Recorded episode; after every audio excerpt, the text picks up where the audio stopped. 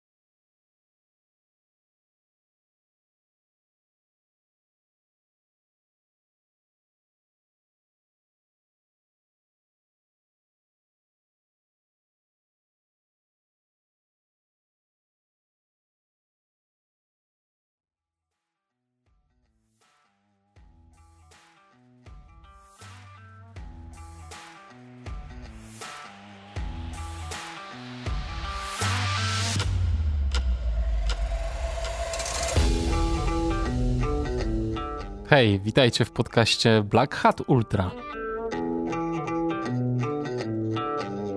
To, co się zmieniło bardzo w moim treningu, to jest to, że nie ma spokojnych treningów, na które wychodzę. Każdy trening kończy się jakimiś albo w trakcie treningu, albo na końcu treningu są jakieś elementy lekkoatletyczne. Czy to podskoki, skipy, przyspieszenia, podbiegi tyłem, naprawdę przeróżne kombinacje, których ja wcześniej nie wykonywałem, bo to jest zasób y, takich środków treningowych, raczej których się w sporcie amatorskim nie dotyka. One są naprawdę taką już powiedzmy wisienką na torcie w treningu, natomiast tutaj u trenera Andrzeja tego jest, y, bardzo dużo.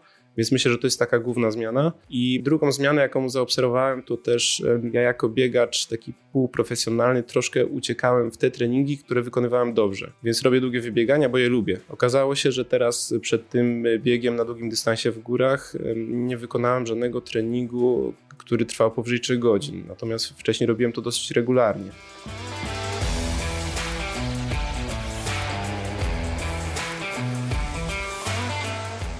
To był Andrzej Witek. Ja się nazywam Kamil Dąbkowski i witam Was w podcaście Black Hat Ultra. Na początku tego sezonu Andrzej wdarł się hucznie na salony polskich biegów górskich, zdobywając dwa medale Mistrzostw Polski. Pierwszy był brązowy, wygrany na zawodach w Bielsku Białej w stylu anglosaskim na dystansie 12 km, drugi srebrny, zdobyty w Anderchowie na dystansie długim 43 km. Ale przecież to nie jest tak, że o Andrzeju nikt wcześniej nie słyszał.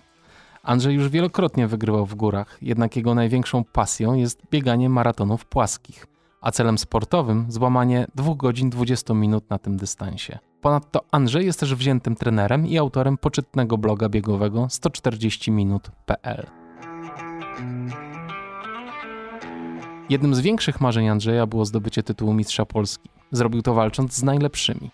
Z rozmowy dowiecie się, co spowodowało, że Andrzej osiągnął to, czego chciał, usłyszycie o tym, jak skupienie na celu, ciężka praca i szacunek dla procesu przynoszą rezultaty. Jest to też opowieść o tym, jak czasem małe niedociągnięcia niweczą szanse na złoto. Posłuchajcie.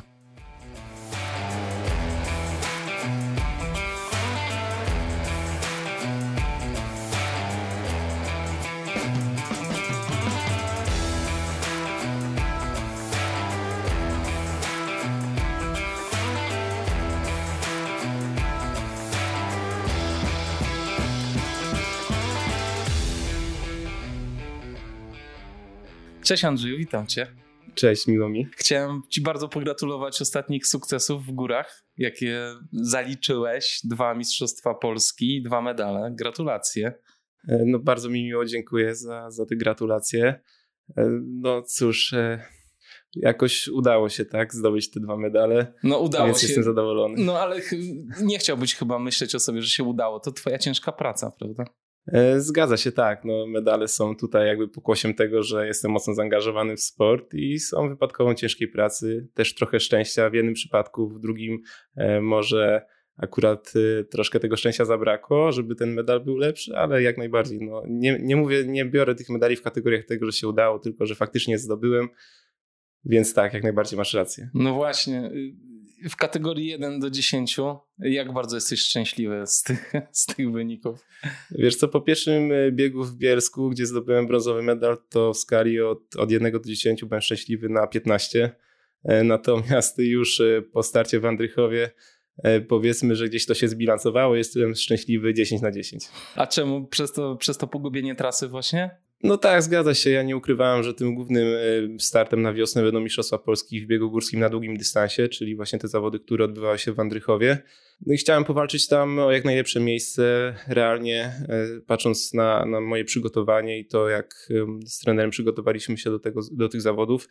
Myślę, że no tutaj złoto było tym właśnie, pierwsze miejsce było tym miejscem, w które powinniśmy celować. Skończyło się srebrem, co też jest oczywiście bardzo dobrym wynikiem, ale biorąc pod uwagę okoliczności, jak to srebro, a nie złoto ostatecznie wpadło na moje konto, no to gdzieś tam lekki może niesmak e, pozostał. No trochę tak, ale też e, przegrać z Marcinem Świercem to prawie jak wygrać, więc... No zgadza się, Marcin, Marcin jest e, wybitnym biegaczem, w zasadzie ja Marcina bardzo szanuję za to, że on przez wiele lat podnosił bardzo mocno poziom biegów górskich, ciągnął je za uszy w Polsce i wokół niego rozpoczął się taki proces troszkę profesjonalizacji w ogóle tej, e, tej dziedziny sportu w naszym kraju, więc ja no, Marcina darzę tutaj bardzo dużym szacunkiem, respektem i w ogóle rywalizacja z nim e, na takich równych warunkach sportowych jest e, dla mnie już wyróżnieniem. Choć jako sportowiec oczywiście mam gdzieś tam ambicje, żeby udowodnić, że od Marcina jestem ciut lepszy i mam nadzieję, że uda mi się kiedyś to zrobić. No życzę ci tego. A jak wyglądał twój tydzień pomiędzy pierwszym startem 8 maja, a drugim startem 15 maja? Czy ty bardzo się regenerowałeś, czy jeszcze coś tam dociskałeś? Jak to wyglądało? No, pierwszy start 8 y, maja był bardzo obciążający, jak się okazało już po biegu. Myślę, że nikt się tego nie spodziewał, nikt z zawodników. E, ponieważ trasa w Bielsku była bardzo łatwa technicznie i no to spowodowało, że tempo biegu, jakie, jakie mieliśmy na zbiegu, na tym samym zbiegu były bardzo duże i te przeciążenia były bardzo wielkie. Tak naprawdę konsekwencje tego biegu 8 maja czułem jeszcze w czwartek, kiedy wychodziłem na trening. W sobotę były kolejne zawody, kolejne Mistrzostwa Polski. Mm, e, więc można powiedzieć, że tak naprawdę na ostatnią chwilę dopiero udało się doprowadzić organizm do takiego stanu, żeby był gotowy na, na kolejną rywalizację. Ja pamiętam jakieś opinie na Facebooku po Twoim starcie 8 maja i sporo ludzi mówiło: A, no tak, bo to, bo to Andrzej, to jest po, pod ciebie trasa ułożona, szybka. A potem, a potem jak tego 15 tak docisnąłeś i, i prawie wygrałeś e, e, z Marcinem, to sobie pomyślałem, kurczę, chłopak naprawdę jest w dobrej formie i to, I to nie są przelewki, to nie jest żadna tam dyspozycja dnia, albo wiesz, albo e, dobrze trasa dołożona do formy, tylko po prostu e, jesteś, e, jesteś w gazie. Jakbyś mógł powiedzieć dwa słowa, jak wyglądał przebieg tego biegu 15 maja? Tutaj rywalizacja była o tyle trudna, że naprawdę do Andrychowa zjechało się dużo mocnych zawodników pierwsze kilometry to naprawdę było tasowanie i, i, przegląd takich sił. W zasadzie śmiało mogę powiedzieć, że pierwsza dziesiątka biegaczy, która później zameldowała się na mecie, to są osoby, które bez problemu wygrywają większość biegów gdzieś w swoim regionie, gdzie na co dzień trenują. Także no naprawdę mocni zawodnicy. Pierwsze kilometry biegliśmy wspólnie, e, więc było dosyć zachowawczo poza w zasadzie Damianem Świerdzeckim, który no, troszkę pobiegł mocniej, to tak w nawiązaniu do, do tego, jak biegają asfaltowcy w górach właśnie, e, bo ja zachowywałem się dokładnie tak samo jakiś czas temu, też podchodziłem bez respektu do, do wszystkich górek, niestety no, gdzieś to później trzeba spłacić jednak. Później tak naprawdę nie było, nie działo się aż tyle spektakularnych rzeczy, jak gdzieś starałem się realizować swoją taktykę, czyli takiego biegu w mocnym tempie. E, robiłem to, wydaje mi się, dosyć dobrze i konsekwentnie, co pokazują e, czasy na, na kolejnych punktach kontrolnych. No, aż można powiedzieć, do, realizowałem wszystko perfekcyjnie, aż do okolic 40 km, gdzie, gdzie jak wiesz, troszkę e, no, z własnej winy po prostu popełniłem błąd. Czy ten błąd pomyłki trasy, jak myślisz, z czego to wynika? No i myślę, że to jest połączenie bardzo, bardzo wielu czynników tak naprawdę, bo no z jednej strony można pomyśleć, że Witek jest nieogarnięty, tak, jak na, na 40 km gubi trasę, ale no ja też biegałem w życiu i takie zawody, gdzie, gdzie było 10 znaczników trasy na 50 km i się nie gubiłem na nich, więc no, staram się tutaj przedstawić tak jak w dobrym świetle, ale fakty są takie, że po prostu po, po trzech godzinach mocnej rywalizacji jesteś zmęczony, ta percepcja jest no, mocno osłabiona. Ja biegłem w szybkim tempie, akurat ta krzyżówka jest, no uważam, bardzo niewdzięczna, bo tnie się w dół bardzo szybkim, mocnym tempem. Już wiesz, że gdzieś niedaleko jest meta, a skręt, y, gdzie należało po prostu odbić, nie leży nawet pod 90 stopniami, tylko to jest taki dosyć ostry zakręt, gdzie, gdzie w zasadzie robi się lekką agrawkę, można powiedzieć. E, także no tutaj, no, kiedy przebiegałem przez ten punkt, no to biegłem jako pierwszy, tak, więc y, absolutnie chcę zaznaczyć, że tutaj nie, obci nie obciążam jakby winą organizatorów. Ale mógł być lepiej oznakowany ten zakręt. No myślę, że tak. Myślę, że zabrakło tam osoby, która, która pokazywałaby, w którą stronę biec akurat w tym momencie. Wiem, że później taka osoba tam była. Nie wiem, czy to był wolontariusz, czy to była jakaś grupa kibiców, która przekierowywała biegaczy. E, no ale to też, żeby nie było, że to akurat się wydarzyło na Beskidzkim Toporze, to ja już startując w górach i biegnąc na pozycji lidera, miewałem takie sytuacje, że po prostu jeżeli organizator wysyła wolontariusza w jakieś miejsce, że ma pokazywać, gdzie należy biec, no to taki chłopak czy dziewczyna po prostu siada sobie na kamieniu, no i czeka, tak? I czeka godzinę, dwie godziny i no co on może robić, tak? odpala telefon i zaczyna go scrollować. Absolutnie nie mówię, że tak było w tym przypadku, ale po prostu chcę, chcę zobrazować, jak to z punktu, y, wygląda z punktu widzenia lidera biegu. No i dopiero jak pierwszy zawodnik przebiegnie nagle obok w tempie 3.30, no to jest podniesiona do góry głowa i no coś się dzieje, tak? Czyli zaczynamy dopiero robotę swoją. No i ja już nie raz przechodziłem takie sytuacje i, i, to jest zupełnie normalne i absolutnie nie, nie, tutaj nie winię za to tych osób, no bo pewnie zachowywałbym się dokładnie tak samo na ich miejscu. To są też często osoby niezwiązane po prostu z biegami, tylko dobre serca, które chcą pomóc. Więc y, no, tak naprawdę najwięcej winy w tym, w tym błędzie, który, który popełniłem, no, leży po mojej stronie, bo raz, że powinienem być bardziej skoncentrowany, bardziej czujny na tym etapie wyścigu. A już nie ukrywam, że wiedząc, że mam dużą przewagę, gdzieś być może w głowie pojawiły się już takie myśli e, o tym, jak będę otwierał szampana, zamiast e, o tym, jak mam skręcać na zakręcie.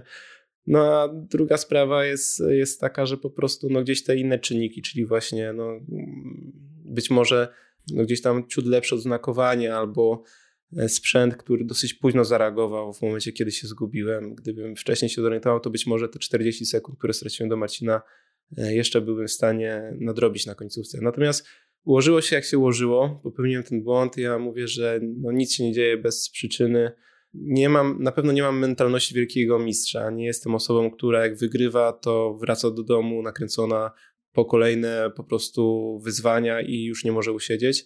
Raczej jestem osobą, która jak już osiąga jakiś dobry wynik, to zaczyna być troszkę rozleniwiona osiągnięciem tego dobrego wyniku. Więc no mówię, że tutaj jakby znając samego siebie, nic lepszego nie mogło się przytrafić, ponieważ e, no z jednej strony, ok, jest sukces, ja tak uważam, że drugie miejsce jest sukcesem, ale z drugiej strony wiem e, i czuję, że to też jest trochę takie podrażnienie mojej sportowej ambicji. No i po prostu jest we mnie taka sportowa złość, którą przekuję teraz na trening. Miejmy nadzieję z dobrym efektem. No, fajną rzecz powiedziałeś o tym, że, że wolontariusze często nie zwracają uwagi na, na lidera E, ja znam nawet historię, że mm, człowiek na pierwszym miejscu wpada na metę, a organizator jeszcze nie zdążył mety rozstawić.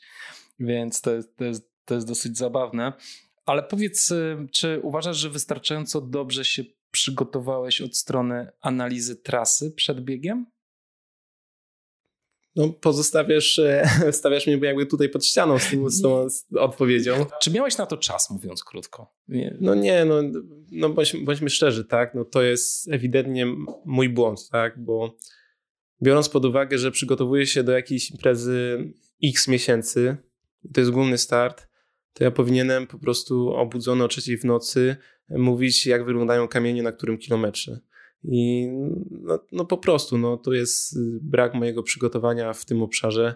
E, miałem wgrany track e, do zegarka i to, to też daje takie poczucie, a jest wgrany track, tak, to co, co może się źle wydarzyć? No już, no, no a jednak może się coś źle wydarzyć.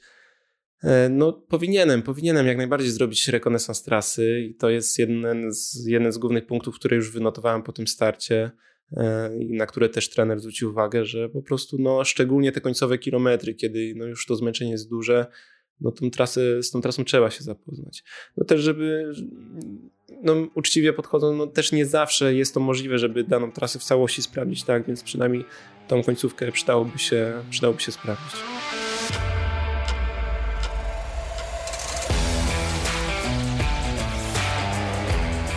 Jesteś autorem rewelacyjnego bloga 140 minut. Powiedz y, na wstępie skąd ta nazwa? Nazwa nie jest przypadkowa, jest to równowartość czasu 2,20 w maratonie.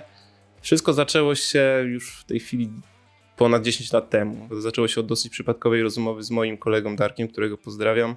To był początek studiów. Ja trafiłem do Wrocławia z małej miejscowości, ze Szkarskiej Poręby. No i tutaj w pierwszy rok studiów wprowadziłem mocno studencki tryb życia, czyli raczej mało sportowy, mm, a bardziej imprezowy. No i podczas jednych ze spotkań wiosennych właśnie z Darkiem zaczęliśmy rozmawiać o temacie maratonu. E, Darek wtedy wspomniał, że jego ojciec przygotowuje się do maratonu i że namawia jego na, na ten bieg maratoński. Z kolei Darek pomyślał, że potrzebowałby jakiegoś kompana do przygotowań. No i wtedy wskazał, jakby zaproponował mi, żebyśmy się przygotowali wspólnie. No, jako, że ja zawsze czułem się dosyć dobrze w sporcie i byłem, byłem osobą wysportowaną, uznałem, że po prostu samo pokonanie maratonu to nie jest, nie jest żadne wyzwa wyzwanie dla mnie. No to szybko na ławce podjęliśmy kalkulację, że jeżeli najszybsi, biega najszybsi biegacze pokonują maraton w około dwie godziny, tak? Nie było dla nas istotne, że tam 2,5, 2,01 to był w zasadzie ten sam czas. Stwierdziliśmy, że tam, ja stwierdziłem dokładnie, bo Darek trochę wybijał mi ten pomysł głowy, że 2,20 no to jest taki poziom, który powinien reprezentować ambitny amator, powiedzmy. No. No natomiast na drugi dzień, jak już troszkę ze mnie zeszło to imprezowe powietrze, to okazało się na pierwszym treningu, że chyba rzuciłem troszkę słowa na wiatr, bo pierwsze 6 km w tempie 5 minut y, na kilometr y, mocno ściągnęło mnie na ziemię i okazało się, że to nie będzie takie proste. No ale skoro słowo się rzekło, no to poczułem się zdeklarowany i, i tak zacząłem się przygotowywać właśnie do, do pierwszego startu. I jakby, no to jest o tyle ciekawa historia, tak mi się wydaje, że ja już w zasadzie od swojego pierwszego treningu biegowego w głowie od zawsze mam to, że moim celem jest pokonanie maratonu w 2.20 i tak stopniowo od 10 lat, krok po kroku, co roku staram się przesuwać tą granicę. I mam nadzieję, że już niedługo uda się ją pokonać. W tej chwili jaka twoja jest życiówka? Aktualnie jest to 2,23. Jak czujesz, ile czasu jeszcze ci zajmie dojście do 2,20?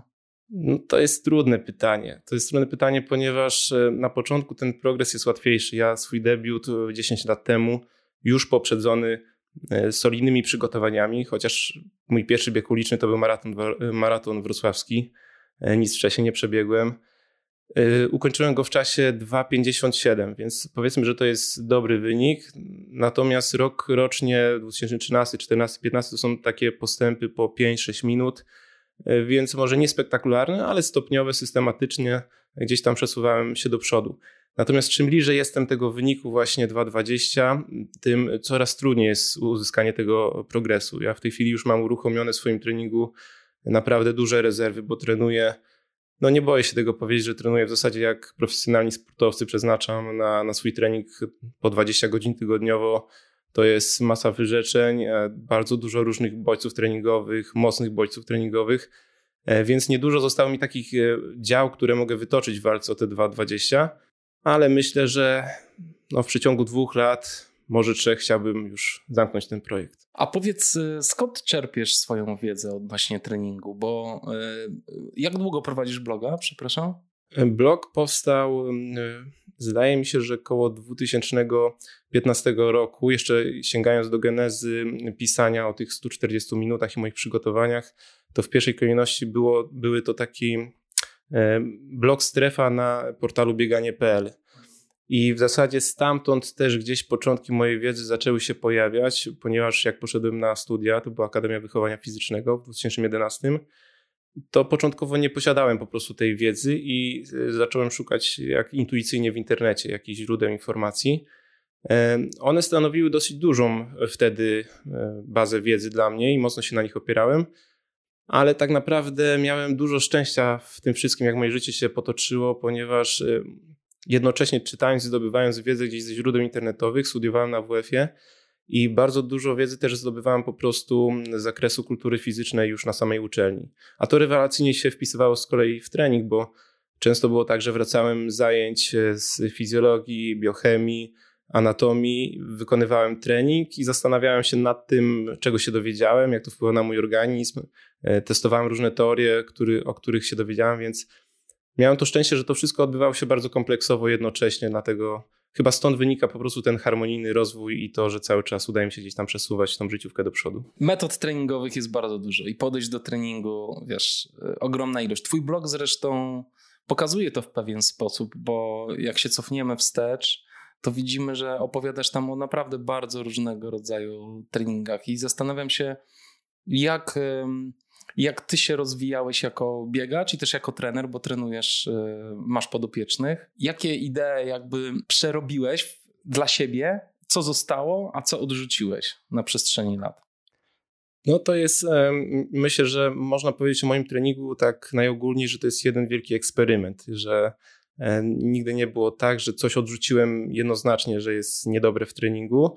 I też nie jestem ortodoksyjny w stawianiu tezy, że coś jest na pewno w 100% skuteczne. Myślę, że każdy organizm jest troszkę inny i reaguje na inne bodźce.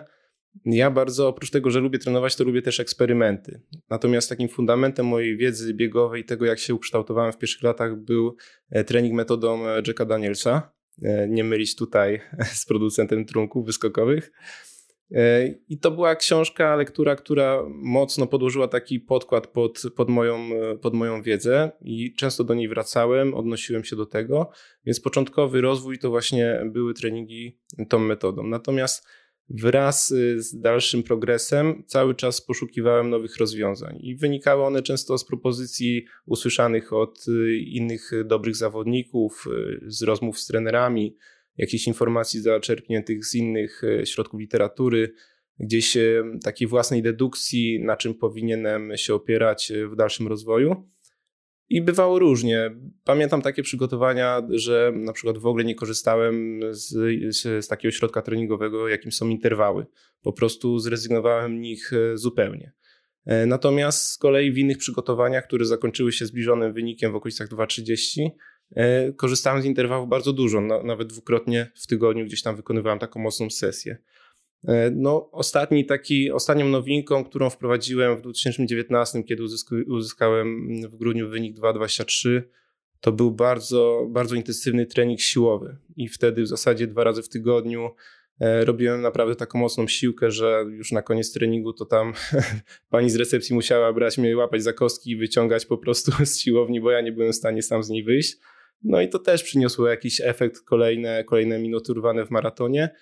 Więc y, powiedziałbym, że to nie jest tak, że odrzucam albo przyjmuję jedną koncepcję. Raczej wygląda to w ten sposób, że po każdym cyklu przygotowań staram się zrobić podsumowanie. Spisuję wtedy na kartce wszystkie te rzeczy, które uważam, że były kluczowe do uzyskania określonego wyniku i te, które uważam, że były trochę śmieciowe, czyli wykonywałem je, a niekoniecznie dawały jakiś, e, jakiś progres. I później na bazie tej wiedzy staram się wdrożyć e, jakieś ulepszenia na kolejne przygotowania. Mhm. A jak próbujesz czegoś nowego, ile sobie dajesz czasu na sprawdzenie jakiejś nowej metody? No to przeróżnie bywa, natomiast powiedzmy, że taki e, cykl jeden przygotowawczy, jeśli to jest maraton, to najczęściej cały cykl przygotowawczy to jest od 5, 4-5 miesięcy powiedzmy bezpośrednich takich przygotowań i oczywiście ten, to wyostrzanie końcowe, czyli 6-8 tygodni przed samym maratonem. Więc żeby sprawdzić, czy jakiś element daje efekt, trzeba byłoby przepracować powiedzmy pół roku. Natomiast też no, trzeba tutaj pamiętać, że może zdarzyć się taka sytuacja, że korzystając z jakiegoś eksperymentu w przygotowaniach przez pół roku, pierwszy efekt będzie niekorzystny. Zrezygnujemy z niego, a on dopiero gdzieś tam odda w kolejnej fazie. Tak często jest na przykład z treningiem siłowym, jak ktoś wcześniej go nie stosował, Pierwsza, pierwsza taka styczność z treningiem siłowym powoduje, że wcale nie czujemy się mocniej, tylko raczej chodzimy przemęczeni, e, mamy duże bóle mięśniowe po treningach, mikrourazy.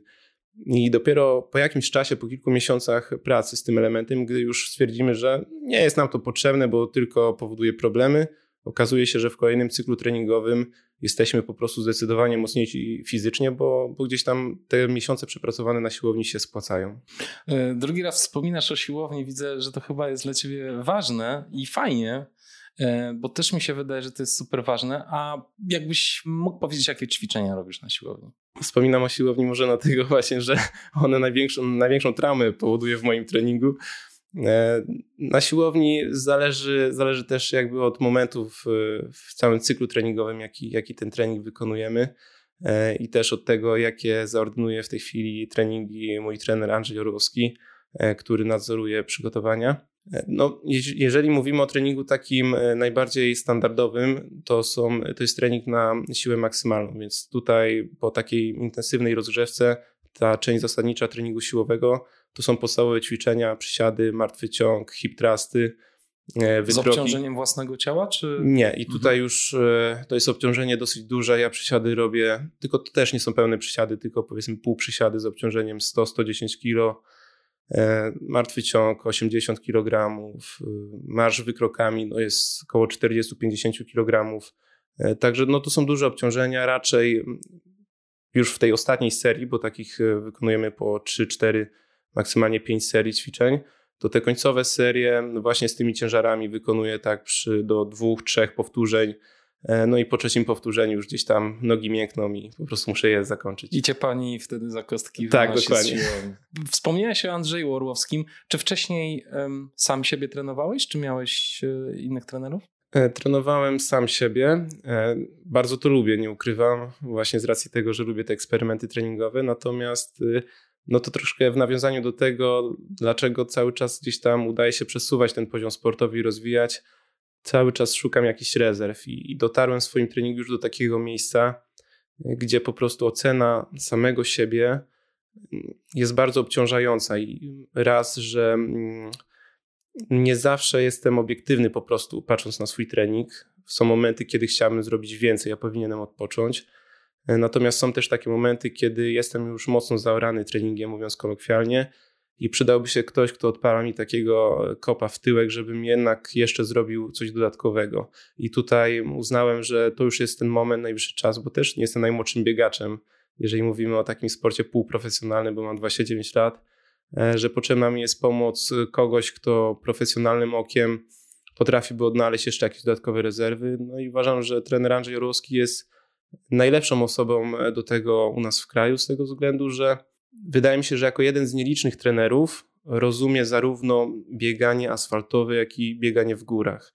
Dla mnie cały czas numerem jeden jest pokonanie maratonów 2.20 i wierzę w to, że tutaj kompetencje trenera pomogą mi w osiągnięciu tego celu, ale jednocześnie doskonale rozumie bieganie w górach, co pokazują jego zawodnicy E, no już Bartek Przydwojewski jest takim flagowym przykładem, ale też inni chłopacy jak Marcin Rzeszutko czy, czy Kamil Leśniak też osiągają bardzo dobre wyniki. No i jakby to jest główny powód, dlaczego właśnie współpraca z trenerem Andrzejem Orłowskim. No liczę, że uda się te wszystkie projekty moje pozamykać sukcesem. Czy jak zobaczyłeś trening od Andrzeja, to stwierdziłeś, o, rzeczywiście można było to tak robić? No, to jest ciekawy wątek, bo e, w początkowej fazie współpracowaliśmy na tej zasadzie, że ja wysyłałem e, koncepcję treningu, którą ja bym prowadził. No i trener Andrzej odpisywał bardzo dobrze, po czym wysyłał wszystko zmienione. więc, więc e, tak, nie jestem pewny, czy, czy faktycznie było wszystko bardzo dobrze. Na pewno widzę tą różnicę, że ja jestem osobą, która wywodzi się ze sportu amatorskiego i opieram swoją wiedzę e, na podstawie Akademii Wychowania Fizycznego z wiedzy ogólnej. Myślę, że dobrze rozumiem przygotowanie do biegów długodystansowych u osób trenujących amatorsko, czyli łączących codzienne obowiązki razem z pracą. Natomiast po warsztacie trenera Andrzeja widzę, że on ma taką typową żyłkę lekkoatletyczną. Bardzo dużo treningów, y, to co się zmieniło bardzo w moim treningu, to jest to, że w zasadzie nie ma takich treningów, nie ma spokojnych treningów, na które wychodzę. Każdy trening kończy się jakimiś albo w trakcie treningu, albo na końcu treningu są jakieś elementy lekkoatletyczne. Czy to podskoki, skipy, przyspieszenia, e, podbiegi tyłem, e, naprawdę przeróżne, przeróżne kombinacje, których ja wcześniej nie wykonywałem, bo to jest zasób y, takich środków treningowych, raczej których się w sporcie amatorskim nie dotyka. One są naprawdę taką już powiedzmy wisienką na torcie w treningu. Natomiast tutaj u trenera Andrzeja tego jest, jest bardzo dużo, więc myślę, że to jest taka główna zmiana. I drugą zmianę, jaką zaobserwowałem, to też ja jako biegacz taki półprofesjonalny troszkę uciekałem w te treningi, które, które wykonywałem dobrze. To jest y, taki przypadek samospełniającej się przepowiedni, tak? Że uważam, że dobrze na moją formę działają długie wybiegania, więc robię długie wybiegania, bo je lubię. Okazało się, że teraz przed tym biegiem na długim dystansie w górach nie wykonałem żadnego treningu, który trwał powyżej 3 godzin. Natomiast wcześniej robiłem to dosyć regularnie. Uważałem to jako taki podstawę właśnie rozwoju mojej wytrzymałości. Natomiast y, trener Andrzej tutaj uznał, że na tyle pracy wykonywałem wcześniej właśnie w takiej typowo tlenowej, że ona jest zupełnie nam w tej chwili aż w takim wymiarze niepotrzebna i dużo tych treningów było krótszych, może nie krótkich, ale krótszych, y, natomiast w zdecydowanie wyższej intensywności. A jeśli mówisz o dużej intensywności, to co masz na myśli dokładnie? Czyli jak wygląda Twój trening w tej chwili? Dla mnie duża intensywność to jest taka intensywność, która zaczyna się gdzieś tam od poziomu zmęczenia odczuwalnego, podobnie jak na maratonie, na półmaratonie, czyli tempa, które dla mnie akurat w tym przypadku to jest około 3,30 na kilometr i wszystkie treningi już w okolicach tego tempa i szybsze są mocno obciążające. Po prostu już wymagają dużej koncentracji przy treningu. Do tych treningów nie podchodzi się tak ad hoc, tylko raczej trzeba się już skoncentrować, porządnie rozgrzać. E, ja wcześniej takie treningi realizowałem dwu, czasami trzykrotnie w tygodniu. Natomiast w tej chwili takich elementów, gdzie, gdzie biegamy na tej intensywności, jest zdecydowanie więcej. Niektóre jednostki tego typu mm, mocno się wydłużyły. Wcześniej realizowałem powiedzmy takie biegi w tempie półmaratońskim przez 40-45 minut łącznie w skali jednego treningu. Natomiast no, w tej chwili zdarzyło mi się nawet biegać e, no, w tempie na godzinę 20 km w tempie półmaratonu na godzinę 12. Więc gdyby tam trener dopisał jeszcze kilometr, kilometr 100, to bym zakończył e, właśnie trening z półmaratonem w godzinę 12. Także. E, Nie czujesz się zmęczony po takim treningu? W sensie w ogóle przy takim obciążeniu na przestrzeni tygodni nie czujesz się jak... Czuję się bardzo zmęczony. Okej. Okay. Ale uważasz, że to jest dobra droga dla ciebie? No tutaj myślę, że najlepszą odpowiedzią jest to, że w wstępie rozmawialiśmy o dwóch medalach Mistrzostw Polski, więc uważam, że gdzieś ten klucz e, został znaleziony. Też nie jestem tutaj, jestem daleki od tego, żeby churalne okrzyki radości wydawać, bo no, oczywiście wiele jeszcze przed nami pracy do wykonania. Natomiast y, wierzę w to i pierwsze te miesiące, które wspólnie z trenerem przepracowaliśmy, pokazują, że no, to jest dobry kierunek.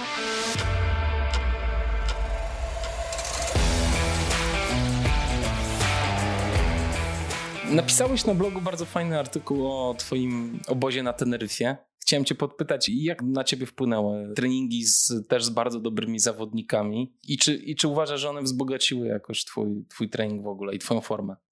Jeżeli mówimy o obozie na Teneryfie, to uważam, że w zasadzie ten obóz zakończył się samymi plusami i to na każdej płaszczyźnie mojej jako sportowca. Pierwsza sprawa jest taka, że ja nigdy wcześniej nie korzystałem e, z takiego środka treningowego, czyli z obozu przygotowawczego przed sezonem. Na Teneryfie spędziłem 3,5 tygodnia, więc e, no to był potężny bodziec treningowy. Tam tygodniowo pokonywaliśmy w granicach 200 km, łącznie przez 3,5 tygodnia zrobiłem prawie 45 tysięcy e, metrów przewyższenia. No byłem bardzo zmęczony całym obozem, już się tam trzymałem ledwo na, końc na końcówce. Natomiast no, to jest coś, to jest coś, co pokazuje też jakby tą bardziej profesjonalną stronę biegania, że e, nie wystarczy jakby realizować zwykłej układanki treningowej, ale są takie momenty po prostu w roku, kiedy trzeba dołożyć do tego treningu znacznie więcej. No i tutaj pierwszy raz udało mi się na taki obóz e, wylecieć, e, więc to był na pewno duży bodziec. Dodatkowo też byłem w znakomitym towarzystwie, bo śmiałem się dosyć, bo zrobiliśmy sobie na początku wspólne zdjęcie, na którym był właśnie Bartek Przedwojewski, Kamil Leśniak, e, ja, później Mateusz Kaczmarek e, dojechał do nas e, mistrz Polski w przeszkodach, jeszcze był Andrzej Piotrkowski, więc w zasadzie jak byliśmy, staliśmy na tym zdjęciu w pięć osób, to byłem jedyną osobą, która nie miała medalu mistrzostw Polski na swoim koncie. No i tutaj mówiłem, że po prostu ja muszę zmywać po obiedzie za karę, tak?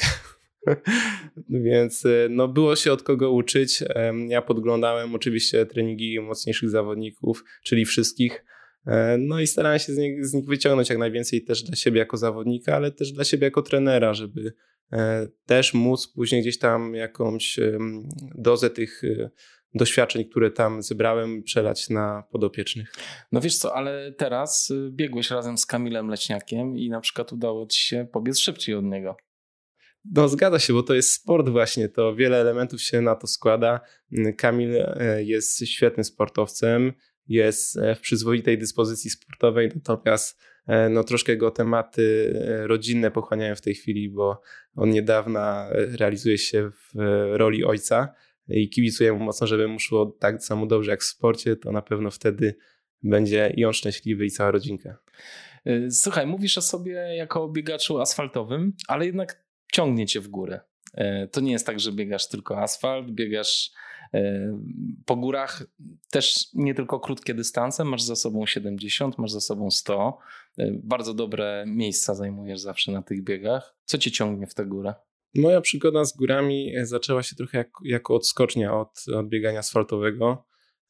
Mogę się mylić co do roku, ale zdaje się, że to był 2018 E, wówczas przygotowałem się po raz kolejny do maratonu na wiosnę, e, natomiast e, zdarzyła mi się kontuzja i ona wyeliminowała mnie na 2,5 tygodnia, 3 tygodnie z treningu. Akurat w takim momencie, że już maraton wiosenny został przekreślony. No nie ukrywam, że to jest duże obciążenie psychiczne, bo trening maratoński to jest zapętlanie pewnych treningów przez kilka miesięcy. Dla mnie trening sprawia frajdę, ale też w pewnym stopniu jest obciążeniem psychicznym. I pamiętam, że wtedy na wiosnę 2018 byłem dosyć mocno dotknięty tym, że znowu i od nowa ten cykl musiałbym zaczynać. Wpadłem wtedy na pomysł, że może troszkę trzeba odpocząć psychicznie od, od tego projektu 220 i e, przenieść się na chwilę w góry. Zapisałem się na bieg siedmiu dolin na 100 km, ponieważ sprawdziłem średnie tempo biegu. Nie, było, nie wydawało mi się ono zbyt ambitne dla kogoś, kto biega na co dzień w tempie 4, 4 minuty na kilometr na rozbieganiach. No i tak się, tak się rozpoczął, rozpoczął pierwszy rok przygotowań właśnie do, do startu górskiego.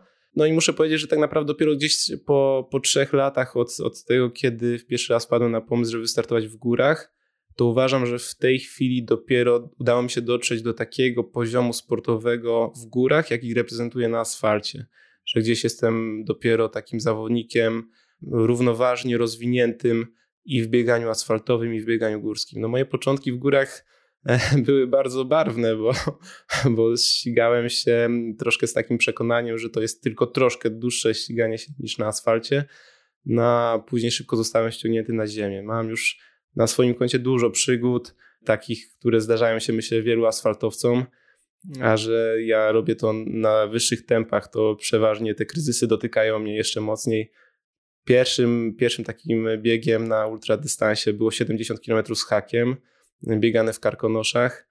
No to pamiętam, że na pierwszym, na, na punkcie pomiarowym gdzieś w połowie trasy miałem około 30 minut przewagi nad drugim zawodnikiem i już się zastanawiałem wtedy, jak dotrę, dotrę na metę. Kończyło się tak, że na półtora kilometra przed metą, zamiast pędzić w dół po kamieniach z chojnika, e, siedziałem na kamieniu i prosiłem turystów o to, żeby dali mi łyka wody, bo bałem się, że po prostu Gobry będzie musiał po mnie przyjechać. No, ostatecznie gdzieś tam doturlałem się do mety, ale takie doświadczenie i inne, mm, e, inne przygody z góry spowodowały, że z jednej strony no też zacząłem doceniać wysiłek ultra i bieganie w górach, i z drugiej strony pozwoliły wyciągnąć wnioski i gdzieś rozwijać się dalej w tym obszarze, także w tej chwili już mam nadzieję, że takich błędów popełniać nie będę. Czyli co, za szybko zacząłeś po prostu? No tak, wtedy, wtedy popełniłem, wiesz co, dużo błędów, bo... Zaczę... No właśnie chciałbym, żebyś opowiedział trochę o tym, wiesz, y, na przykład dla osób, które mają ochotę przejść z asfaltu w górę, y, jakbyś mógł jakieś porady powiedzieć, takie konkretne, to by było super. No to myślę, że pierwsza podstawowa sprawa jest taka, że na, na taki bieg, na przykład 50 km w górach, nie należy patrzeć jako na dystans, tylko przeliczyć sobie, jaki jest to czas wysiłku. I to myślę, że jest kluczowa sprawa, bo co innego biegać 2,5 godziny po asfalcie, a co innego 50 km w górach, które może trwać nawet 5,5-6 godzin. I to jest olbrzymia różnica. Ja w swoich pierwszych startach w górach przede wszystkim pierwszy podstawowy błąd to jest taki, że zaczynałem za szybko. Biegałem bardzo mocno na początku i no po prostu nie starczyło, nie starczyło sił. Byłem bardzo po prostu już energetycznie odcięty. Druga sprawa jest taka, często popełniałem błędy żywieniowe. Jadłem za mało. Inaczej przelecieć półmaraton na jednym żelu, czy maraton na czterech żelach, a co innego przez 5-6 godzin tułać się po górach i po prostu nic nie jeść. No, tam żywienie już zaczyna się od 20 minuty i cały czas trzeba o tym pamiętać. No i tutaj ultra nie wybacza błędu. Jeśli zapomnimy o jedzeniu, to zaczynamy wpadać tak, wpadać w taką spiralę, że nie jemy, to nagle robi nam się niedobrze. I jak już chcemy zjeść, to z kolei nie możemy przyjąć tego pokarmu. E, trzeba pamiętać o uzupełnianiu płynów. E, wszystkie błędy sprzętowe też mają bardzo duże znaczenie, czyli no gdzieś tam but lekko obciera, to 10 km na asfalcie ok, no gdzieś tam może nam lekko skórka zejdzie ze stopy i tyle. Natomiast jeżeli przebywamy na trasie 6 godzin, to nagle nie mówimy o lekkim obtarciu, tylko o tym, że po prostu cały płat skóry schodzi ze stopy. No i tak można było, można byłoby mnożyć bardzo, bardzo długo. Mhm. Powiedziałeś o tym, żeby biegacze byli świadomi czasu zawodów, ale też chyba zmiana w intensywności biegu jest ważna, prawda? Że nie biegniemy stałym tempem jak po płaskim. Tak, oczywiście, to jak najbardziej. Myślę, że tutaj duży i częsty błąd e, to jest fakt, że odruchowo, kiedy już na, docieramy do jakiegoś stromego podbiegu w górach, to też instynktownie chcemy go pokonać jak najszybciej i zaczyna się maszerowanie długimi, mocnymi susami. Paradoksalnie, właśnie kilkanaście minut takiego podchodzenia długim, mocnym krokiem po prostu wykańcza nas mięśniowo. Układ mięśniowy jest w górach tym, który jest, e, no, wysiądzie najszybciej, tak? Zdecydowanie bardziej e, korzystne jest po prostu drobienie kroku, nawet zwolnienie, bardzo spokojne pokonywanie podbiegów, żeby to obciążenie przeszło na układ krwionośny, oddechowy, a maksymalne oszczędzanie układu mięśniowego. No ale to są takie rzeczy, które ja mogę powiedzieć tak i ktoś jeszcze przeczyta gdzieś i jeszcze parę osób powie, żeby, żeby na to uważać, a dopóki się samemu nie doświadczy, to, to ciężko jest to zrozumieć.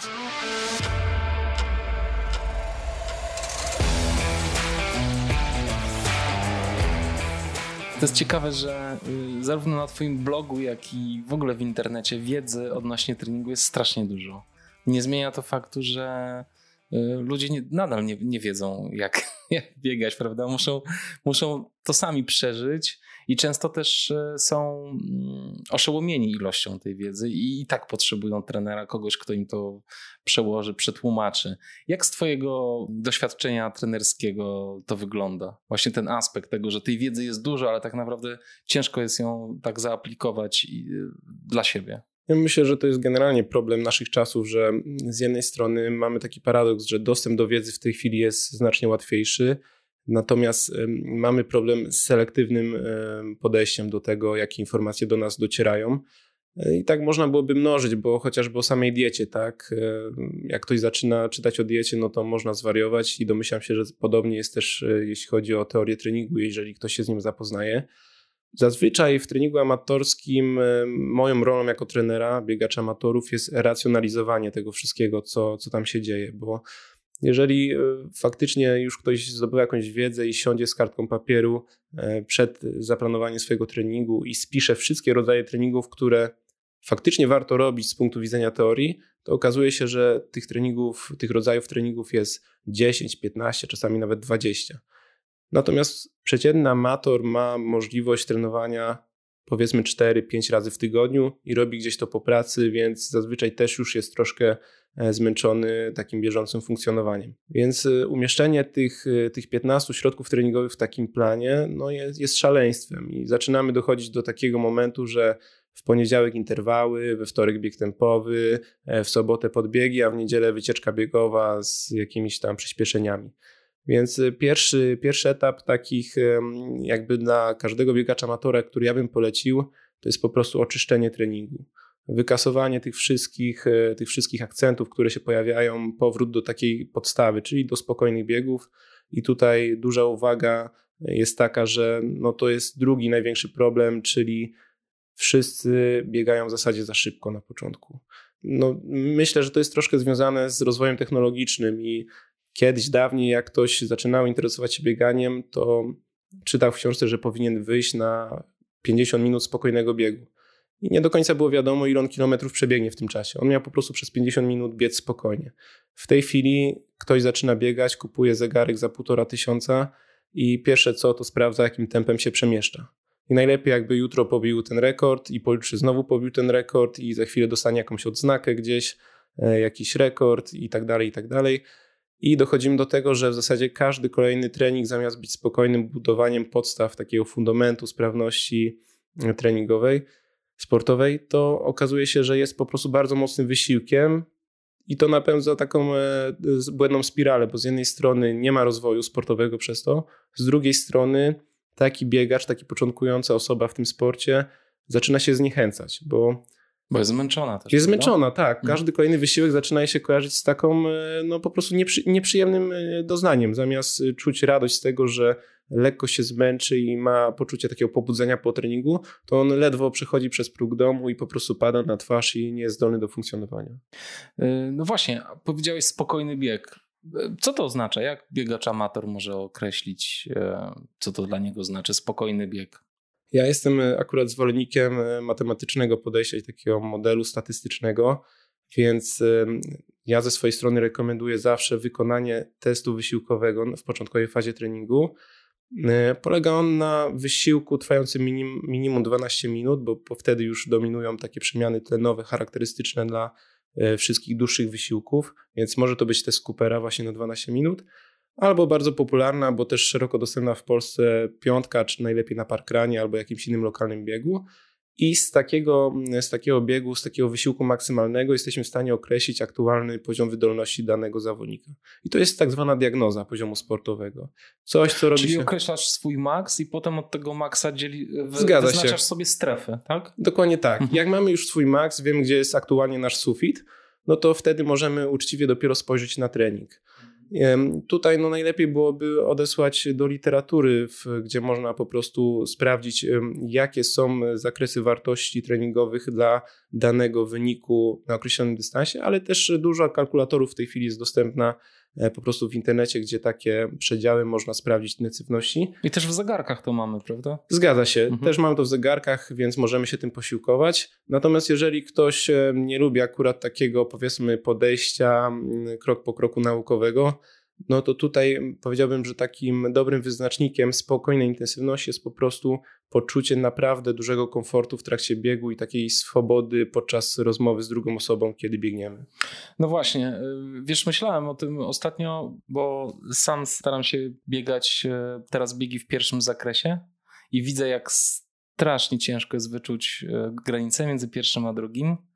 I konwersacja ja tak samo mówię najpierw w pierwszym, jak i w drugim zakresie, więc, więc to jest strasznie trudne, a różnica chyba jest y, spora, bo ten pierwszy zakres jest taki stricte regeneracyjny, prawda?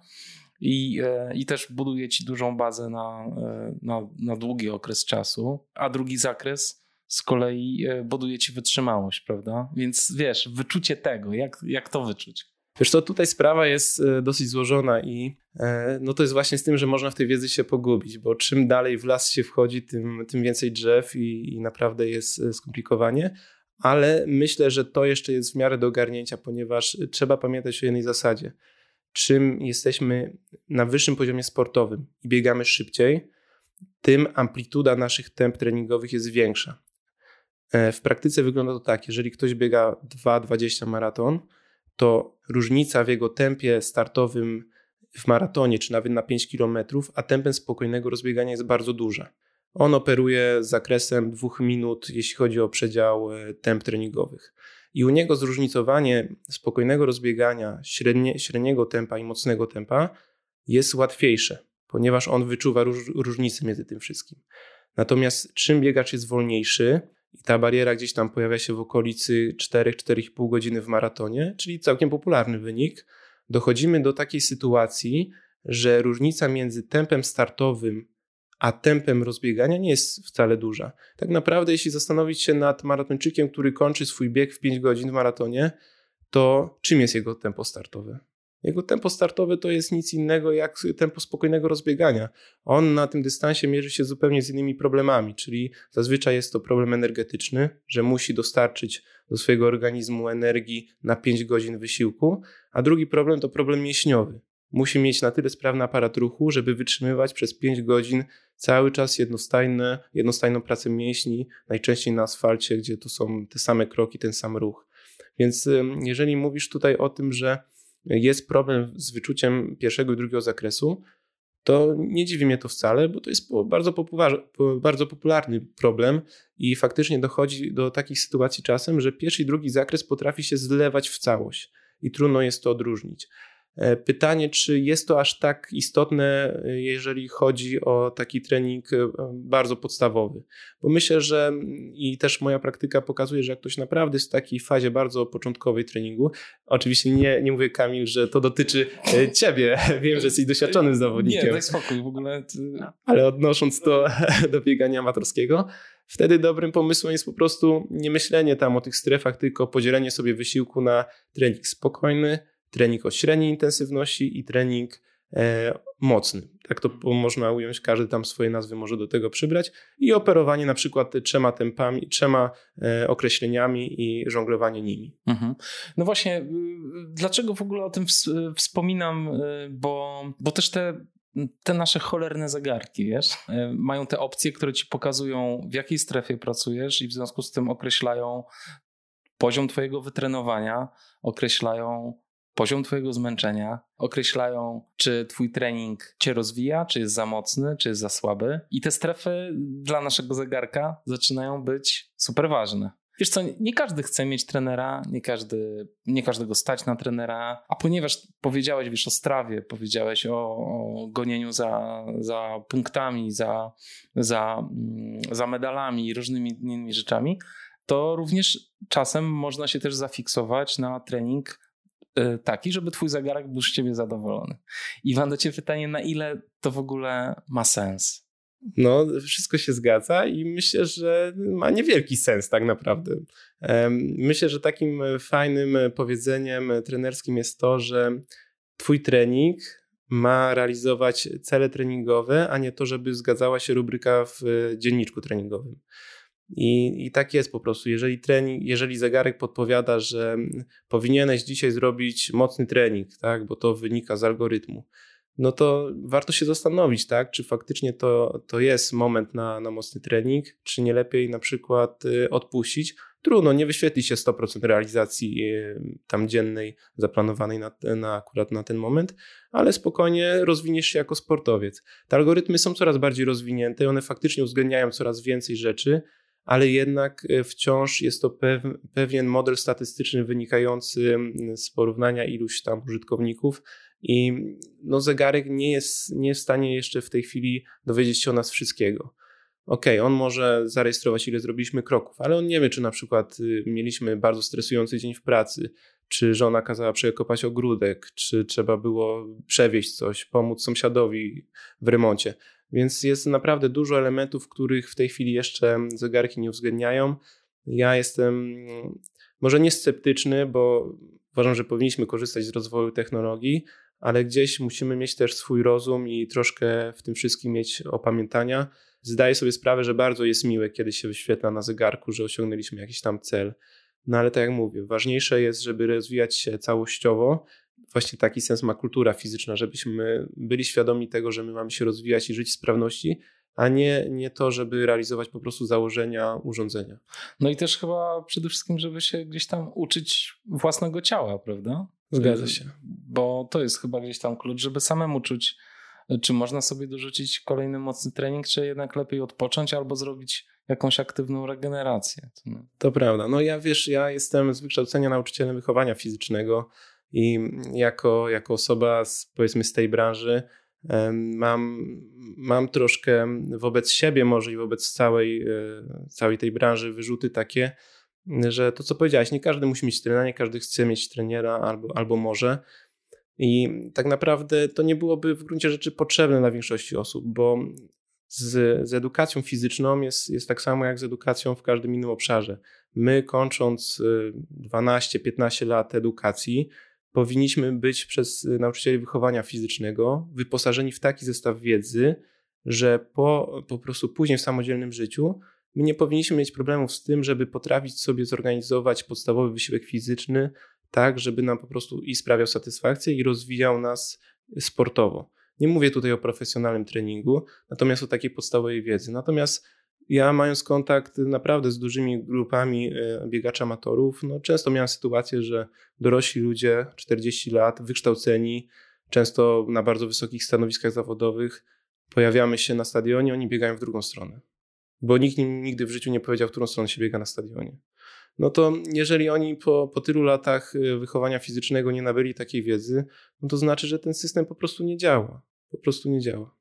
Kurczę, a na stadionie, na którym ja czasem trenuję, mnóstwo osób biega w drugą stronę i to przy, I, to, I te osoby, które są, wiesz, które są pod opieką trenerską i tak się teraz zastanawiam, czy one nie wiedzą. Zawsze, zawsze się zastanawiałem, dlaczego biegam w drugą stronę.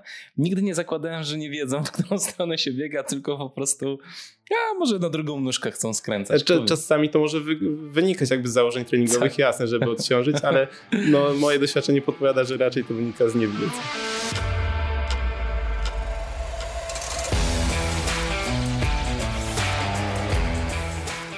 Mówisz o sobie, że nie jesteś super uzdolniony, ale że jesteś takim rzemieślnikiem biegowym. Z czego to wynika? Dlaczego? Czy ty sobie nie odejmujesz czegoś przypadkiem? Nie, nie, to myślę, że sobie nie odejmuję. Znaczy, żeby uczciwie postawić sprawę, ja faktycznie czuję smykałkę do sportu. Myślę, że, że coś w tym jest. E, I to było od dziecka. Ja po prostu, wiesz, w Szklarskiej Porębie w końcówce lat 90. i na początku lat 2000 jedyną atrakcją, jaką mieliśmy, to było boisko piłkarskie więc spędzaliśmy na nim czas od bladego świtu do, do zmierzchu.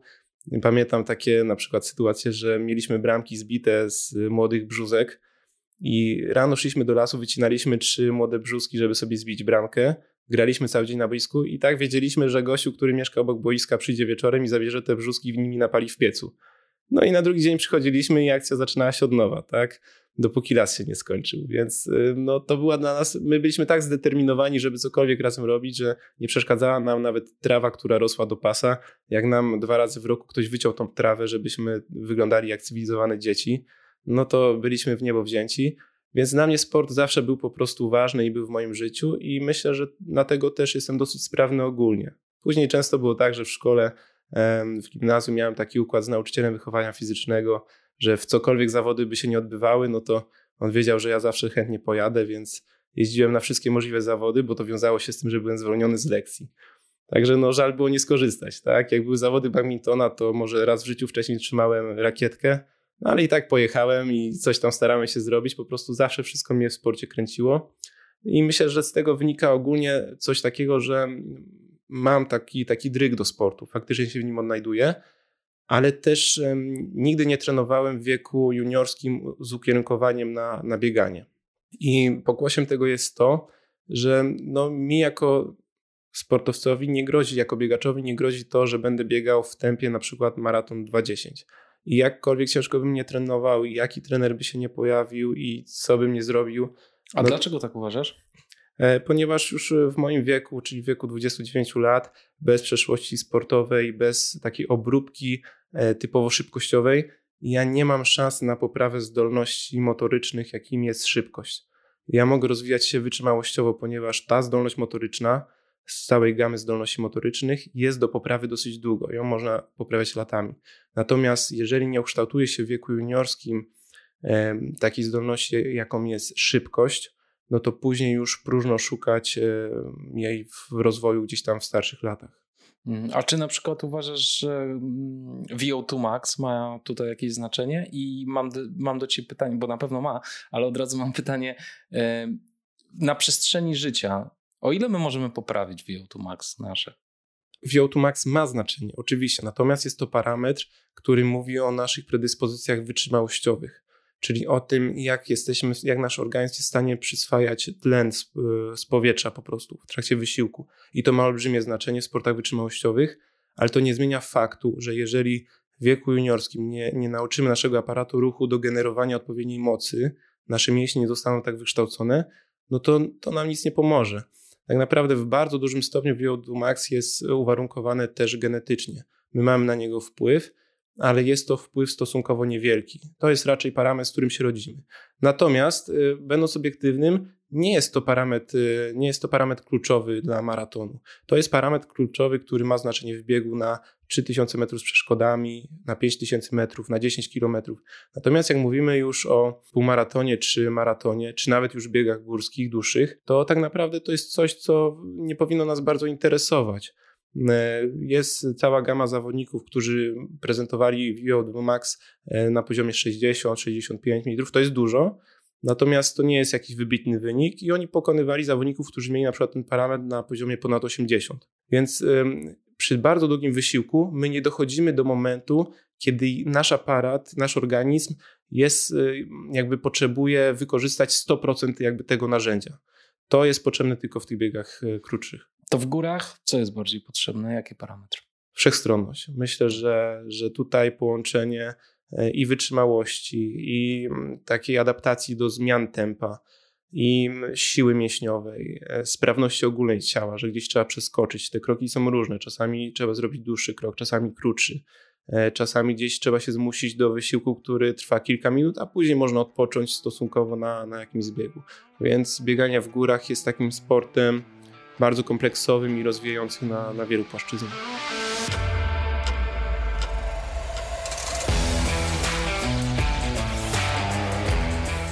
Bardzo często na Twoim blogu piszesz e, rozliczenia finansowe Twoich wypadów na zawody. To jest e, bardzo ciekawe. Wydaje mi się, że to też jest e, taka sytuacja, której ludzie z zewnątrz nie rozumieją do końca, jeżeli na przykład ktoś znany zawodnik nie stawia się na jakieś zawody. A to wynika z tego, że po prostu bardzo często nagrody są bardzo małe i was najnormalniej w świecie po prostu nie stać, żeby jechać gdzieś na drugi koniec Polski i dokładać do, e, do interesu. Powiedz, dlaczego zacząłeś robić te rozliczenia? Dlaczego to stało się dla ciebie ważne? Wiesz co, no tak naprawdę myślę, że to jest też duża siła bloga, którego prowadzę, że ja od zawsze jestem transparentny i nie boję się o tym napisać, kiedy trenuję ciężko, nie boję się napisać o tym, ile inwestuję w bieganie i jak to wygląda od strony finansowej. I e, zawsze pisałem tak naprawdę o finansach. No, zdarzyły mi się takie biegi, gdzie niespodziewanie wygrałem na jakimś maratonie ulicznym 5000 zł. E, no i wtedy byłem bardzo zaskoczony i szczęśliwy, bo ja nigdy nie biegałem na kasy po prostu. Natomiast e, wiem, że to może być interesujące dla osób, które, które czytają blog. No nie ma problemu z tym, żeby pisać, ile inwestuję w bieganie. No, nagrody w biegach górskich są po prostu nieduże, nie ma, nie ma co ukrywać. Często rzeczowe, prawda? często rzeczowe, więc, y, więc oprócz jakby tego, że dostaje się te nagrody rzeczowe i, i no wiesz, no ile możesz mieć torów sportowych, tak? No jak startuję w 10 biegach w roku i na każdym są nagrody rzeczowe, to mam 10 torów sportowych. No ja wiem, że to jest fajna nagroda. Asia jak chodzi na, na siłownię, na trening, to codziennie może ubrać inną torbę raz w tygodniu i jest super, no ale no, to nie, nie pozwala jakby doinwestować do twojego biegania. Ja w moim życiu y, miałem różne momenty, jeśli chodzi o stan finansowy. Mm, oczywiście na początku było to dosyć trudne, bo byłem po prostu studentem. E, studiowałem dziennie, do tego pracowałem na dwóch etatach tak naprawdę, no na półtora podsumowując. I do tego realizowałem jeszcze trening maratoński. Także ja jakby cały swój rozwój i sportowy, i zawodowy zawsze gdzieś tam starałem się trzymać w harmonii. W tej chwili dotarłem do takiego miejsca, że zajmuję się zawodowo rzeczami tylko związanymi z bieganiem i, i tak naprawdę myślę, że to jest jeden, jedna z rzeczy w moim bieganiu, z których jestem najbardziej dumny, czyli po prostu ja jako sportowiec, jako trener i osoba pomagająca amatorom jestem w stanie żyć w godny sposób i jednocześnie na tyle generuję dochodu, że mogę inwestować dalej w swój rozwój jako biegacza. I to jest bardzo fajny układ, myślę, że zdrowy i cieszę się naprawdę, że, że w takim modelu moje życie się układa, za co jestem bardzo wdzięczny. E, natomiast no, nagrody finansowe y, no, to jest temat troszkę no, taki no, nieprzyjemny, bym powiedział, w środowisku biegowym, ponieważ no, oczywiście każdy z chłopaków, no nie każdy ma takie szczęście jak ja, że może samodzielnie finansować swoje bieganie i do niego dokładać. I no jest dużo frustracji wśród osób biegających y, gdzieś tam mocniej, bo oczywiście one chciałyby wygrywać większe pieniądze, żeby móc tak naprawdę inwestować dalej w swój rozwój. Z drugiej strony jest to trudne, tak, bo no jest dużo sprzecznych rzeczy w tym środowisku. Z jednej strony wszyscy organizatorzy, jak się ich zapyta, czy chcą, żeby rozwijał się poziom sportowy imprezy, no to wszyscy mówią, że oczywiście, jak najbardziej, że oni chcą. Natomiast z drugiej strony no nie ma argumentów ku temu, żeby faktycznie ci zawodnicy mogli jakoś rozwijać się dalej sportowo, bo nie mają wsparcia. No, natomiast jest to bardzo szeroki temat, bo też organizator od takiego zawodnika, któremu może dać nagrodę finansową, oczekiwałby czegoś więcej niż tylko mocnego startu. Czego na przykład? Na przykład promocji imprezy. A, a to się nie dzieje, po, ponieważ no też wiele osób z tego środowiska półprofesjonalnego czy profesjonalnego nie, nie, ma jakby, nie ma takiej wizytówki, którą mogłoby, nie ma takiej grupy odbiorców, którym mogłoby dostarczyć coś wartościowego, coś, co mogłoby promować danego organizatora. No to ciekawe, przecież sam mocny start już jest promocją e, na imprezie, prawda? Jeżeli zawodnik powie, że wygrałem takie i takie zawody. No tak, ale no jak, jak porozmawiasz na mecie z biegaczami w biegu ultra, to o czym oni dyskutują? Z takimi ze środka stawki na mecie, o czym oni dyskutują? No o piwie. No oczywiście, o, to jest rozmowa o tym, że czy na punkcie były arbuzy, tak? Czemu była Coca-Cola, nie Pepsi, bo w regulaminie było inaczej. Słyszałeś kiedyś dyskusję, że y, ludzi ze środka stawki, dyskusję, czemu Witek tak pobiegł półtora minuty wolniej niż to, co przewidywał ranking RMT przed startem?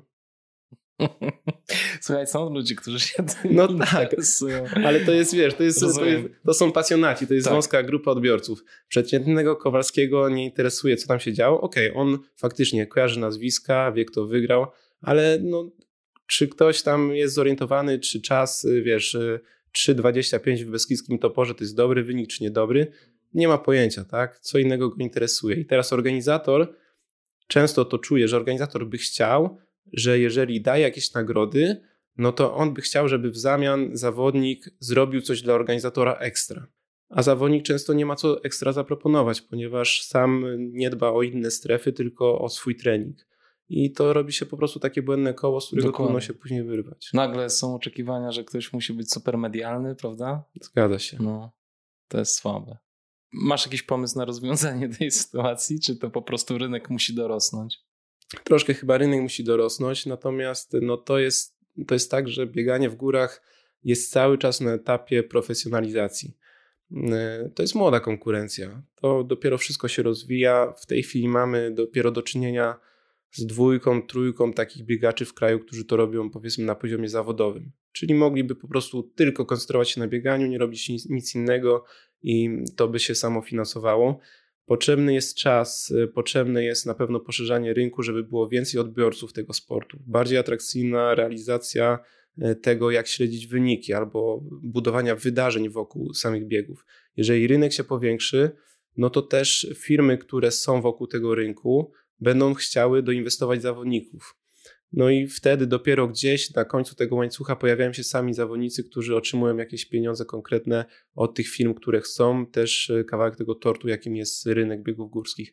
No ale na to wszystko jest potrzebny czas czas i tak, no i jakaś, e, jakaś wiara, że ten sport jest w stanie przyciągnąć e, rzesze odbiorców, prawda? Że, że będzie, bo to jest widowiskowy sport, tylko też trzeba potrafić to pokazać i sprzedać. Oczywiście, no to znaczy, nie wiesz, ja myślę, że tutaj nie ma co ukrywać, że na przykład Salomon w tej chwili ewidentnie widać, że on obrał taki, taki kierunek rozwoju. Mm, jest to firma duża, światowa, która no inwestujemy się dużo pieniędzy. Jestem przekonany, że jakby zobaczyć ich bilans zysków i strat z inwestycji w biegi górskie, to oni na razie sporo dokładają do tego interesu. Dają duże nagrody finansowe na biegach, natomiast no, zwrot jeszcze nie jest taki duży, ale oni nie robią tego przypadkowo, bo okej, okay, wierzę, że są troszkę mecenasami sportu, ale z drugiej strony oni też wierzą w to, że po prostu dzięki temu poszerzą rynek i wielu kibiców, czy też e, osób, które wchodzą w ten rynek, pójdą do sklepu i sięgną po ich produkt.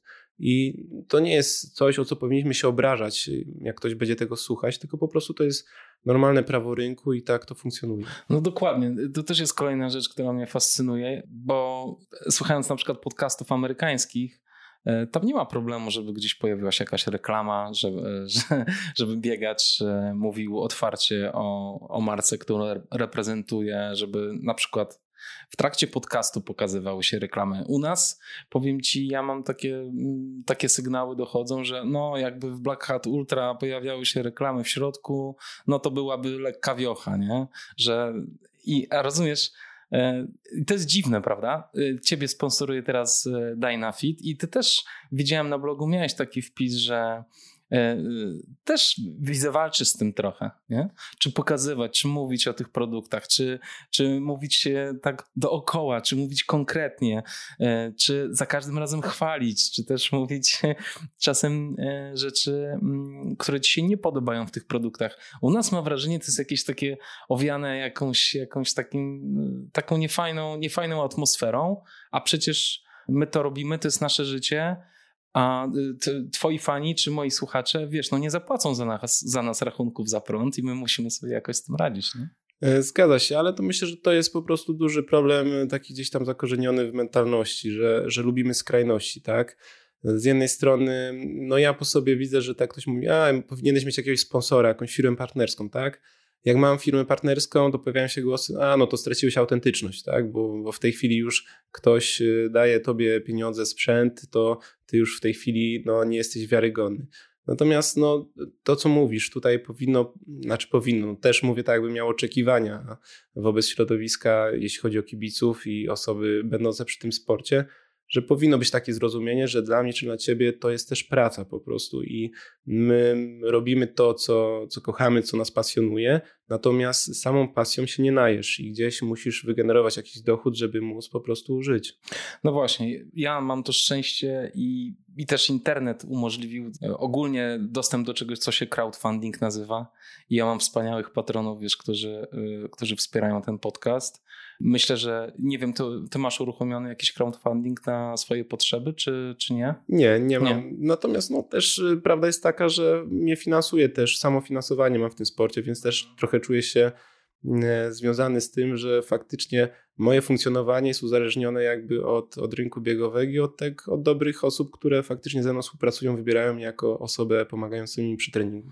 No właśnie, to tak, no masz, masz inną sytuację. W każdym razie ja mam jakiś taki wewnętrzny opór, żeby ludziom wciskać jakieś konkretne produkty. Czasem zrobię jakieś drobiazgi, ale to w ogóle jest nieważne. Natomiast sam fakt, wiesz, że wspierają mnie słuchacze, to jest, wiesz, ogromne... No, to jest petarda, powiem ci. To jest super. No, to ja myślę, to jest bardzo napędzające. Ja, mm. wiesz, ja na przykład samo prowadzenie bloga, to, to domyślam się, że przy podcaście jest jeszcze więcej roboty, więc, więc wiesz, ile to jest z pracy. I ja jak siadam do bloga, to czasami się śmieję, że bieg trwał dwie godziny, ja później piszę relację trzy godziny, Asia przez godzinę obrabia zdjęcia z trasy, później jeszcze korzystam z jej niezawodnego oka edytorskiego, więc ona jako pierwsza czyta tekst, mówi swoje uwagi, więc jeszcze do tego muszą wpaść poprawki. Więc później się okazuje, że bieg trwa dwie godziny, a cała praca przy publikacji wpisu to jest 6 godzin. No i później sobie siedzę i się zastanawiam, kurde, a mogłem sobie pójść na spacer zamiast pisać na tym blogu, ale jak już e, później gdzieś tam wracam i widzę na przykład w komentarzach, że ktoś pisze, że mu się podobało, że się dobrze czytało, e, że czuł te emocje, jak czytając relacje, że dziękuję za to, że, że prowadzę tego bloga, no to wiesz, to we mnie wpływa tyle energii, że ja później nie mam wątpliwości, że, że znowu siadam po prostu. Jestem po biegu wykończony, ale siadam do tego wpisu, bo wiem, że ktoś na to czeka i ktoś to docenia i to jest mega uczucie i dużo energii. Tak, y, tak, to musi być wspaniałe i a rzeczywiście na twoim blogu jest mnóstwo wspaniałych informacji odnośnie biegania, także gratuluję ci jeszcze raz. E, gratuluję ci jeszcze raz występów na Mistrzostwach Polski. E, bardzo, e, bardzo fajnie, że, mm, że tak ostro walczysz. Jakie masz plany jeszcze na ten sezon? W tej chwili chciałem się skoncentrować na biegach w środkowej Europie z cyklu Golden Series Salomona. E, jest to jeden bieg e, na Słowacji, jeden w Czechach i u nas w Polsce w ramach festiwalu DFBG. E, jeżeli wszystko pójdzie po takiej myśli, jakbym chciał, no to mm, celowałbym gdzieś tam finał tej ligi regionalnej. Oprócz tego mm, to już jest troszkę uwarunkowane od tego, jak się potoczą te biegi, ale też Tatra Sky Marathon jest biegiem, który mnie interesuje. E, natomiast na jesień e, w tej chwili gdzieś tam plan się tworzy. E, być może będzie to asfaltowy półmaraton, żeby troszkę odświeżyć życiówkę. No a już taka późniejsza jesień, no to zobaczymy, bo też nie ukrywam, że no dużo będzie zależeć tutaj od decyzji związku, jak będzie wyglądać po prostu kadra na Mistrzostwa Świata w Tajlandii i czy te mistrzostwa się odbędą. Ale powinieneś być po, powołany, prawda? Wypełniłem minimum. Mhm. Czy powinienem być powołany, no to jest pytanie już do osób decydujących. Okej, okej. Okay, okay. Czyli ewentualnie cię podróż do Tajlandii czeka. Słuchaj, a co z tym 2,20 w maratonie? Bo widzę, że strasznie cię w góry ciągnie teraz i bardzo fajnie, znaczy ja się cieszę. To jest, o, jak rozpoczynałem współpracę właśnie z trenerem Andrzejem Orowskim, to powiedziałem mu, no bo on jest kojarzony w tej chwili powiedzmy bardziej z biegami górskimi, to powiedziałem mu, e, że to jest numer jeden. I, I jakby cały czas e, mamy to jakby jak nasz główny cel i myślę, że taka najbliższa próba będzie na wiosnę 2022. Super, dziękuję Ci bardzo za rozmowę. Dziękuję również. Do zobaczenia na trasie. Do zobaczenia.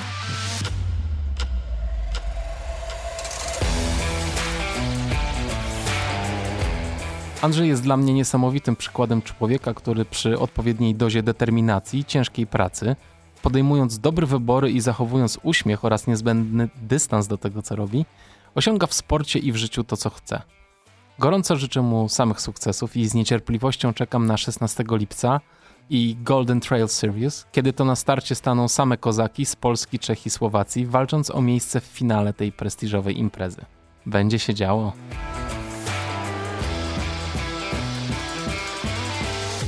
Dziękuję serdecznie za wysłuchanie tego podcastu. Podcast można wspierać w mediach społecznościowych, udostępniając informacje o nim w postach, relacjach i na tablicach. Podcast ten funkcjonuje dzięki mentalnemu i finansowemu wsparciu słuchaczy. Jeśli chcesz dołączyć do tego grona, zapraszam na patronite.pl ukośnik Black Hat Ultra. W tej chwili podcast na Patronite wspiera 125 osób, ale chciałbym wymienić tutaj alfabetycznie nazwiska tych, których miesięczny wkład jest największy.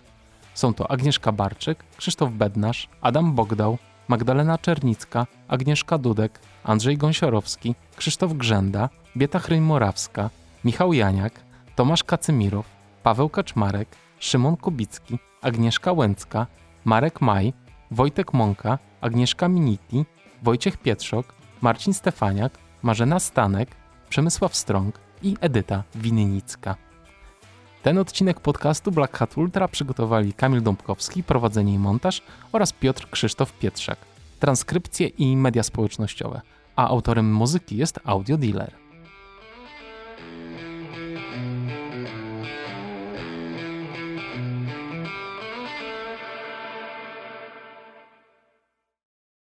A jeżeli jeszcze tu jesteś, ta sytuacja, która miała miejsce w Chinach, jest chyba wydarzeniem bez precedensu. Każe się zastanowić, czy zawsze z odpowiednim szacunkiem podchodzimy do terenu, po którym biegamy, czy nie lekceważymy przypadkiem czasem gór, czy organizatorzy na pewno odpowiednio dbają o nasze bezpieczeństwo i zatrudniają fachowców. Zginęli ludzie, którzy podzielają naszą pasję. Mogło się to przydarzyć każdemu. Takie sytuacje uświadamiają nam, jak kruche jest życie i tym bardziej, jak warto jest je doceniać, jak warto jest doceniać każdy dzień. Dlatego zróbmy kilka oddechów, poświęćmy je tym, którzy odeszli. I zakończmy pozytywną myślą, że jesteśmy bezpieczni, że stało się to, co miało się stać. Nie mieliśmy nad tym żadnej kontroli i miejmy nadzieję, że takie sytuacje nie wydarzą się w przyszłości. Weźmy teraz pięć spokojnych, długich oddechów.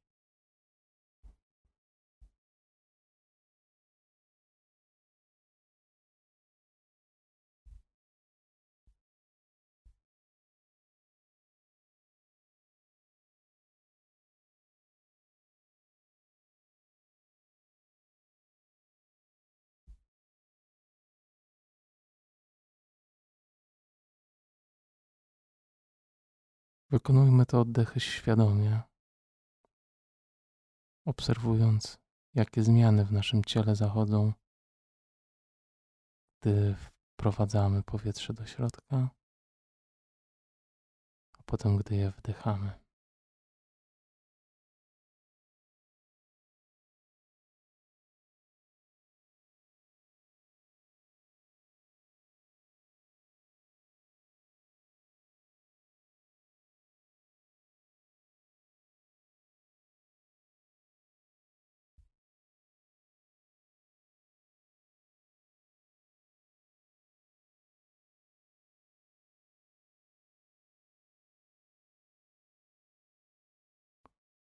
Dziękuję Wam serdecznie, że tu jesteście. Pozdrawiam serdecznie i do usłyszenia. Buźka.